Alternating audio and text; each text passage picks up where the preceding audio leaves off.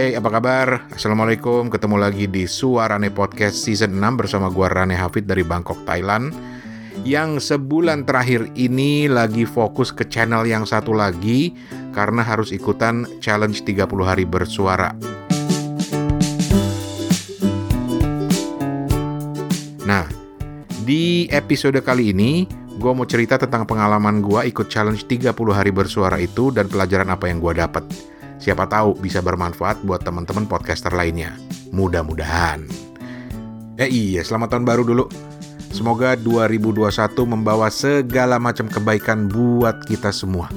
Amin, amin, amin ya Allah.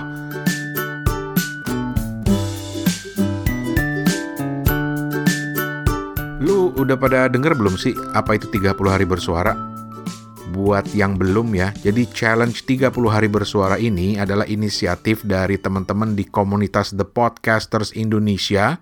Itu komunitas podcast Indonesia yang paling gede dan paling aktif di seluruh jagat raya. jadi podcast itu eh podcast itu. Jadi challenge 30 hari bersuara itu mereka yang menggagas dan intinya sebenarnya simpel aja. Pertama, kita ditantang untuk bikin satu episode podcast setiap hari selama satu bulan di bulan Desember. Dan yang kedua, tema setiap hari itu sudah ditentukan. Itu aja sih simpelnya. Mau tahu cerita lengkapnya, dengerin episode sebelum ini karena di situ gue uh, sempat sharing tentang uh, apa itu 30 hari bersuara dan gue ngundang uh, beberapa temen yang uh, salah satu dedengkotnya lah yang menggagas ide ini. Sementara buat lo yang nanya, Bang, kok gue cari-cari di Suarane Podcast nggak ada tuh 30 hari bersuara lo? Ya nggak ada bro. Jadi seperti yang gue umumin di episode sebelumnya, 30 hari bersuara itu gue upload ke channel podcast baru gue yang namanya Gen B atau Babelo. Ada alasannya kenapa gue upload di situ yaitu karena channel itu masih baru, belum pernah gue umumin sebelumnya ke banyak orang, jadi ini kesempatan bagi gue untuk melihat apakah ada penambahan signifikan dalam hal jumlah pendengar misalnya gitu. Kalau gue upload setiap hari. Jadi uh, lu bisa dengar selengkapnya di uh, Spotify cari aja uh, channelnya namanya Babelo atau uh, ketik ini aja SPTFY sptfy.com garis miring Babelo. Terus gue juga memanfaatkan channel baru ini untuk eksperimen macem-macem style rekaman dan editing dan ini ada beberapa contohnya yang akan gue share ke lo. Selengkapnya lo dengerin aja ya, sptfy.com garis miring babelo.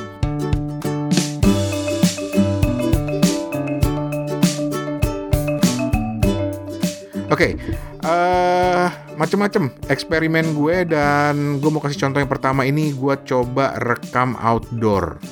Ini contohnya di episode pertama yang temanya adalah hari kelahiran. Yang gua rekam di jalan pulang kantor di tengah suasana lalu lintas yang begitu rame karena orang lagi pada pulang kantor. Hari pertama dari 30 hari bersuara dan gua udah nyaris lupa. Saking gilanya pekerjaan hari ini. Dan saat gua pulang kantor lagi jalan baru ingat, oh iya ya ini 1 Desember ya. Kacau. Tapi oke, okay, oke, okay, oke. Okay. Belum jam 12 berarti masih bisa dibilang tanggal 1 dong. Dan terus gua rekam sepanjang jalan sampai gua ngos-ngosan masuk ke gang yang udah agak mulai sepi sampai di lobi apartemen gua masih ngerekam. Gua harus berhenti karena gua kehabisan napas ngos-ngosan. Jadi gue stop dulu, tarik napas dulu, atur napas dulu, dan sekarang sudah sampai di apartemen, lagi duduk di taman di bawah menyelesaikan rekaman ini. Dan bagian terakhirnya gue rekam pada saat gue sudah masuk ke dalam kamar gue. Oke, sekarang gue udah di kamar lagi. Barusan mandi dulu, nyempetin ngobrol dulu sama anak istri. Pengen tahu keseharian mereka hari ini ngapain setelah gue pulang kantor Terus sekarang gue masuk ke kamar gue, tempat kerja gue, buka laptop, dan mari kita lanjut. Oh ya, sering kali juga ini gue rekamnya dicicil. Jadi nggak sekaligus satu take gitu terus diupload nggak. Tapi misalnya pagi gue rekam, terus nanti pada saat break makan siang gue lanjutin lagi ngerekamnya. Tentu saja dengan uh, pointer atau script yang udah gue siapin gitu ya. Karena apa? Karena Desember itu adalah bulan yang paling sibuk dalam pekerjaan gue selama setahun. Jadi contohnya nih ya di episode ketiga ketika bicara tentang tema keputusan, gue itu mulai rekam dari saat keluar apartemen mau ke kantor pagi-pagi. Ini contohnya nih. Setiap hari, setiap saat, setiap detik mungkin kita dihadapkan pada pengambilan keputusan. Seperti pagi ini ketika gue keluar dari apartemen gue, gue bingung mau belok kiri yang artinya ke arah halte bus atau belok kanan yang artinya jalan singkat untuk menuju ke stasiun kereta. Keputusan mana yang gue ambil? Hmm, gue sendiri masih bingung. Tapi kita lihat, karena ini gue uh, rekam ini sambil jalan. Oh, ini gue mau perdengarkan sesuatu. Kedengeran nggak? Itu suara tukang ojek di dekat apartemen. Dia mutar musik kenceng-kenceng dari speaker yang tersambung ke HP-nya. Nah, episode ketiga ini seru karena uh, gue merasa dapat banget suasananya. Bukan hanya suara, tapi ada suasana backgroundnya, ada suara musik dari pangkalan ojek deket apartemen, ada suara burung perkutut, di Bangkok banyak perkutut cuy. Terus juga episode itu baru gue lanjutin saat malam hari ketika gue kembali ke rumah. Oh ya, ini semua gue rekam pakai handphone andalan gue yang gue namain si Xiaomi alias Xiaomi Mi Max 3. Handphone orang tua yang layarnya gede hampir 7 inci.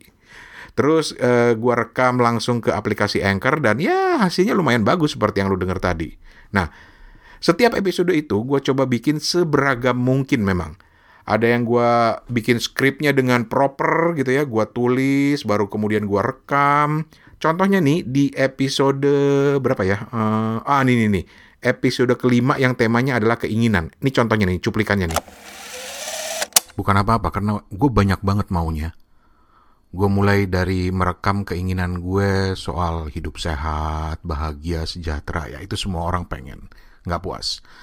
Uh, eh, gue mau coba keinginan yang bersifat duniawi tapi gue pikir-pikir banyak banget. Gue pengen iPhone 12, gue pengen MacBook yang terbaru, gue pengen... Atau di episode kedua yang temanya adalah awal mula.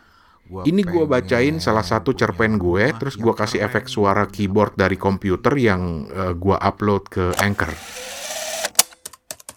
Suatu saat, suatu masa di tengah perjalanan hidupnya yang entah tinggal bersisa berapa lama, dia, sobat dekatku, tiba-tiba bercerita tentang keinginannya menjadi seorang pencuri.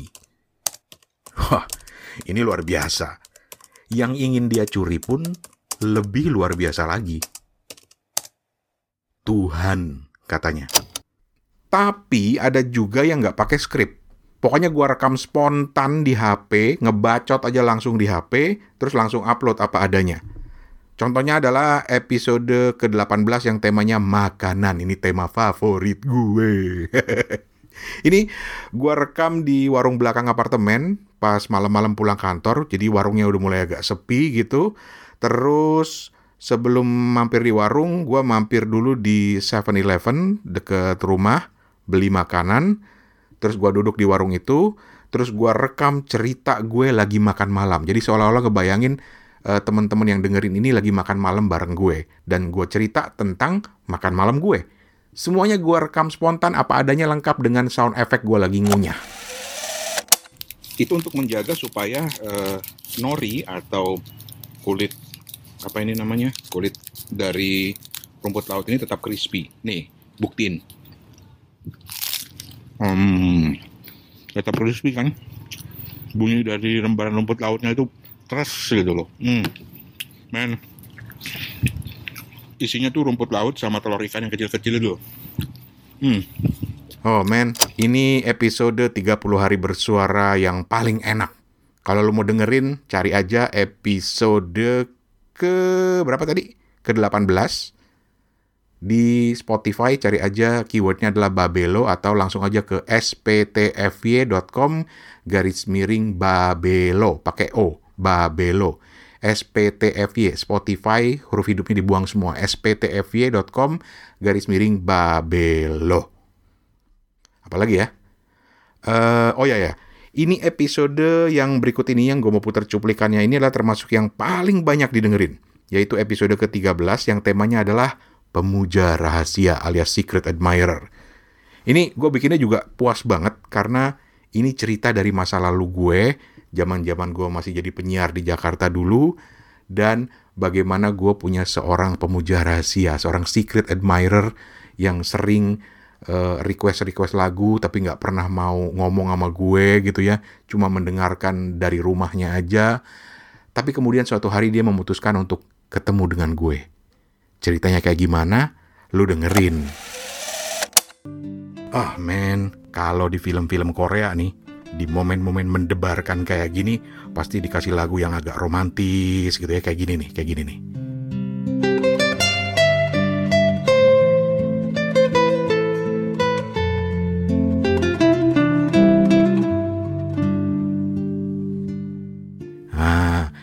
Terus momen salamannya di close up tangannya. Close up muka gue, di close up muka dua anak itu gitu ya. Dibikin slow motion. Tapi ini bukan film coy. Nah di episode tadi itu gue menantang diri gue untuk bercerita secara lebih deskriptif. Jadi misalnya menggambarkan pertemuan gue dengan si pemuja rahasia, bagaimana gua salamannya, ekspresi wajahnya dan lain sebagainya gitu. Ada sedikit-sedikit cerita horornya juga gitu. Pokoknya semuanya lengkap di situ dan itu tantangan gue untuk membuat cerita yang sangat deskriptif karena audio itu kan sifatnya sangat deskriptif, menggambar di kepala lo, membuat suasana menjadi apa ya teorinya kayak theater of mind gitu, theater of mindnya keluar. Mudah-mudahan sih keluar. Oh, seru, pokoknya seru. Tapi guys, um, overall gue puas banget dengan challenge 30 hari bersuara ini justru karena itu memaksa gue untuk mikir kreatif. Apalagi di tengah kesibukan kerja akhir tahun yang gila banget, semuanya jadi serba mepet. Gue kebanyakan rekamnya itu malam-malam menjelang pergantian hari. Ada beberapa yang udah terlambat, jadi gue baru upload di hari berikutnya. Tapi itu gue selalu usahakan untuk kejar, jadi nggak nggak numpuk nanti di belakang. Um, Kadang gue bisa dapat ide yang gue pikir, wah ini keren nih. Kadang ada yang, ah yang penting ada aja lah, biar nggak ketinggalan gitu. Ada yang kayak begitu. Misalnya nih, di episode ke-27 yang temanya adalah akhir. Di situ, gue udah lagi nggak ada ide nih, bener-beneran. Gue mau ngomong ah, tema akhir tuh apa gitu. Menjelang tengah malam, menjelang pergantian hari, akhirnya gue putuskan untuk baca puisi. Gue ambil salah satu puisi lama gue, Ya karena gue lagi nggak ada ide juga. Tapi gue edit dengan macam-macam efek. Supaya ya memang nggak ada ide, tapi apa yang bahan lama ini gue bisa pakai dengan diperbaharui lagi gitu kurang lebih. Nih dengerin ya. Ini cuma satu menit. Jadi ini episode yang paling pendek juga. Kebayang kan gue lagi nggak ada ide banget. Jadi ini gue rekam satu menit lebih aja. Kita dengerin. Ini gue gua putar lengkap ya.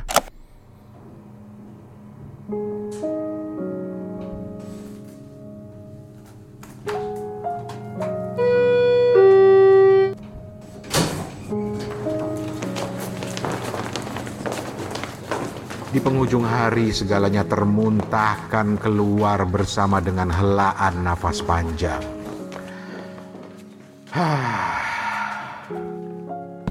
Malas ia membersihkannya lagi. Toh besok semua akan kembali terhirup seiring dengan tarikan nafas yang lebih panjang. Sembari menahan muntah selama seharian penuh.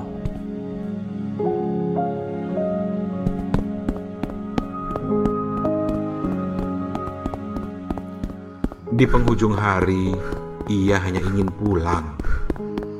Pulang ke buah hatinya, memeluk belahan jiwanya.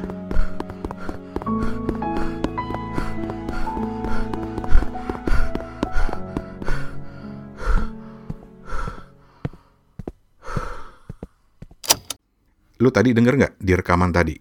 Ada suara orang lagi lari gitu ya ngos-ngosan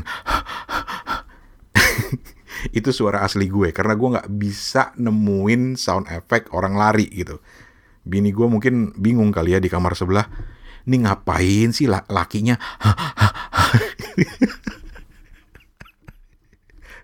aduh, aduh, aduh, aduh. Ah, pokoknya seru lah. Dan ngomong-ngomong soal editing, nah ini dia nih.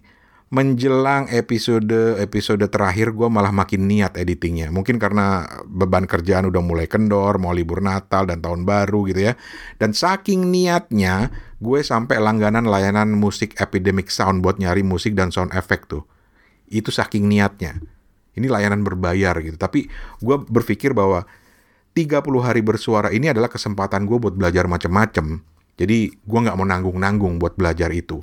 Walaupun nanti setelah mungkin di Januari atau Februari kalau gue nggak pakai lagi ya mungkin gue unsubscribe gitu. Epidemic Sound kalau lo mau coba. Oke, kita lanjut lagi. Apa lagi nih uh, yang gue mau ceritain? Oh, nih. Ada satu episode yang gue ngeditnya itu seharian penuh. Yaitu episode ke-29 yang temanya adalah kilas balik. Ini ini bener-bener episode yang gue bilang ini paling niat. Gimana nggak niat? Gua bikin setting seolah-olah sedang bicara dengan diri sendiri dari setahun lalu. Ini terinspirasi dari video viralnya komedian Kanada Julie Nolke. Lu cari aja ya Julie Nolke di YouTube. Itu dia uh, merekam setting seolah-olah dia lagi ngobrol sama dirinya di masa lalu beberapa bulan sebelum pandemi COVID dimulai di Kanada. Bedanya, si Julie ini versi video. Gue bikin versi audio. Tapi sama settingnya, gue ngobrol sama diri gue, tepatnya di Desember 2019 atau setahun lalu, ketika awal mula pandemi ya. Terus karena ini audio, maka supaya suaranya beda gitu, settingnya gue bikin seolah-olah lagi nelpon dengan diri gue di masa lalu. Jadi nanti suara gue yang di masa lalu itu pakai efek telepon supaya beda. Jadi pendengar nggak bingung gitu. Dan uh, efek telepon itu gue bisa dapatkan dengan merekam suara gue pakai voice memo di handphone, terus gue tambahin lagi efek telepon di Audacity supaya semakin semakin beda lagi gitu. Pokoknya, men niat banget. Uh, terus episode ini gue kasih judul Halo, bisa bicara dengan 2019. nih nih cuplikannya, cuplikannya ini. Eh apa sih lu nakut-nakutin aja? Enggak, eh dengerin, dengerin, dengerin. Heran gue demen amat nakut-nakutin orang. Ya udah sorry sorry sorry sorry. Gini aja deh. Besok kita telepon teleponan lagi jam segini ya. Bantuin gue lagi rekaman. Besok topiknya soalnya resolusi. Lu bantuin gue ya bikin resolusi 2021 ya. Ya, oke? Okay? Bodoh amat. Halo? Halo? Halo? Eh, ditutup si anjing. Episode yang barusan lu dengerin tadi itu adalah episode bercandaan banget. Iseng banget. Tapi pas gue dengerin lagi, kok gue jadi agak-agak merinding gitu. Gue ngebayangin diri gue di bulan Desember 2019, setahun lalu, lagi seneng-seneng kali ya mau tahun baruan, tanpa ngebayangin kalau beberapa minggu kemudian hidupnya bakal berubah total. Dunia bakal berubah total, seperti yang kita alamin sekarang. Jadi agak merinding juga, jadi agak baper juga dengerinnya gitu. Anyway, ini salah satu episode favorit gue.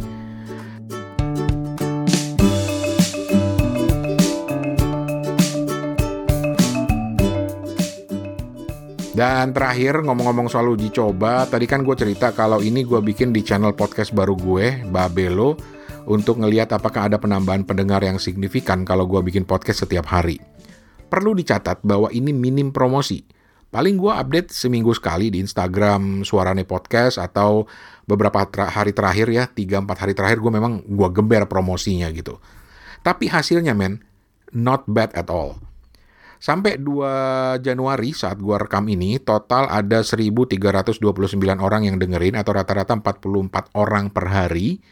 Terus ada 35 subscriber, jadi ya kurang lebih nambah satu follower per hari loh. Lumayan banget. Apalagi ini minim promosi. Dan uh, angka pendengar yang gue perhatiin tinggi itu justru pada saat sesekali gue promosi di Instagram. Jadi promosi penting men. Nah, Terakhir, ini ada beberapa pelajaran yang gue dapat dari ikutan 30 hari bersuara. Pertama, dari segi pendengar, nih buat lo yang sering banget komplain, Bang, kenapa gue udah bikin tapi pendengar gue nggak nambah. Pelajaran pertama, bos. Pendengar nggak akan nambah kalau lo pasif. Lo nggak bisa berharap orang akan tahu podcast lo kalau lo nggak promosi, kalau lo nggak cerita ke orang lain. Mau cerita di Instagram kek, di Facebook kek, di Twitter, atau cerita ke temen lagi di kampus misalnya eh gue punya podcast dengerin dong di sini atau di Twitter di grup-grup lu promosiin aja pasti akan ada masa sih nggak ada satu dua orang yang akan dengerin pasti ada terus uh, apa lagi ya Oh iya, untuk cari media sosial yang mana yang tepat ya cari media sosial di mana kira-kira lu banyak follower atau lu banyak temen yang nongkrong di situ. Pelajaran kedua masih soal pendengar. Hey, para podcaster. Bahkan ketika minim promosi pun, rasanya akan ada kok pendengar yang mendengarkan walaupun sedikit jumlahnya. Apalagi 30 hari bersuara ini kan memang salah satu tujuannya untuk bantu teman-teman promosiin podcastnya lewat hashtag bareng, hashtag 30 hari bersuara. Jadi exposure-nya ada. Tinggal bagaimana lu mau nambahin promosinya. Gitu. Pelajaran ketiga, konsisten. Ini pelajaran paling penting yang harus didapat dari 30 hari bersuara bahwa konsistensi itu penting. Ya nggak perlu sampai bikin podcast tiap hari juga sih nanti ke depannya, tapi konsisten lah. Seminggu sekali, dua minggu sekali. Jadi pendengar tahu, oh podcast ini uploadnya setiap seminggu sekali misalnya. Itu penting. Pelajaran keempat, kreativitas itu sangat penting. Penting sekali. Gua yang udah lama podcasting, bahkan sampai sering diledekin teman-teman sebagai engkongnya podcast lah, mbahnya podcast lah, macem-macem lah, pionir lah, apalah. Gua aja kadang-kadang masih sering kehabisan ide. Momen 30 hari bersuara itu mengajari gua untuk terus memeras otak mencari kreasi-kreasi baru untuk bikin podcast yang mungkin akan menarik buat teman-teman pendengar. Apalagi kalau lo podcastnya niche banget, segmented banget. Itu jadi lebih penting lagi kreativitas. Dan pelajaran kelima, berkomunitas itu penting. Selain buat nyari temen, buat collab misalnya, juga jadi kesempatan buat promosi podcast kita dan juga kesempatan belajar dari yang lain. Makanya gabunglah ke The Podcaster Indonesia Cari aja linknya untuk gabung di Instagram thepodcasters.id thepodcasters.id di Instagram. Jadi teman-teman itu baru 5 pelajaran yang gue dapat dan gue yakin lo yang ikutan 30 hari bersuara pasti punya pelajaran lain. Kalau ada yang mau lo share ke sini, email aja di gue suarane at gmail.com atau di Instagram suarane podcast. Atau, atau, nih gue mau ngajak lo semuanya nih. Kalau ada di antara lo yang mau sharing dalam bentuk audio, kirim aja lewat voice note, uh, uh, voice note, voice note di WhatsApp ke 087878505012. Sekali lagi kirim voice note di WhatsApp 087878505012. Ceritain pelajaran yang lu dapat dari 30 hari bersuara dan nanti akan gua upload ke Suarane Podcast. Sekalian promosi juga uh, podcast-podcast lo semuanya gitu yang yang ikut ngirim. Lumayan kan dapat promosi.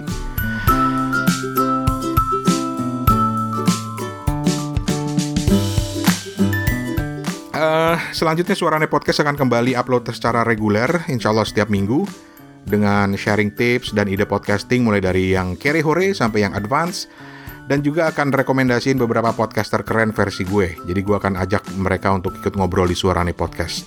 Plus, yang terpenting dari season 6 Suarane Podcast ini adalah gue mau fokus ke satu tema besar, yaitu The Art of Podcasting.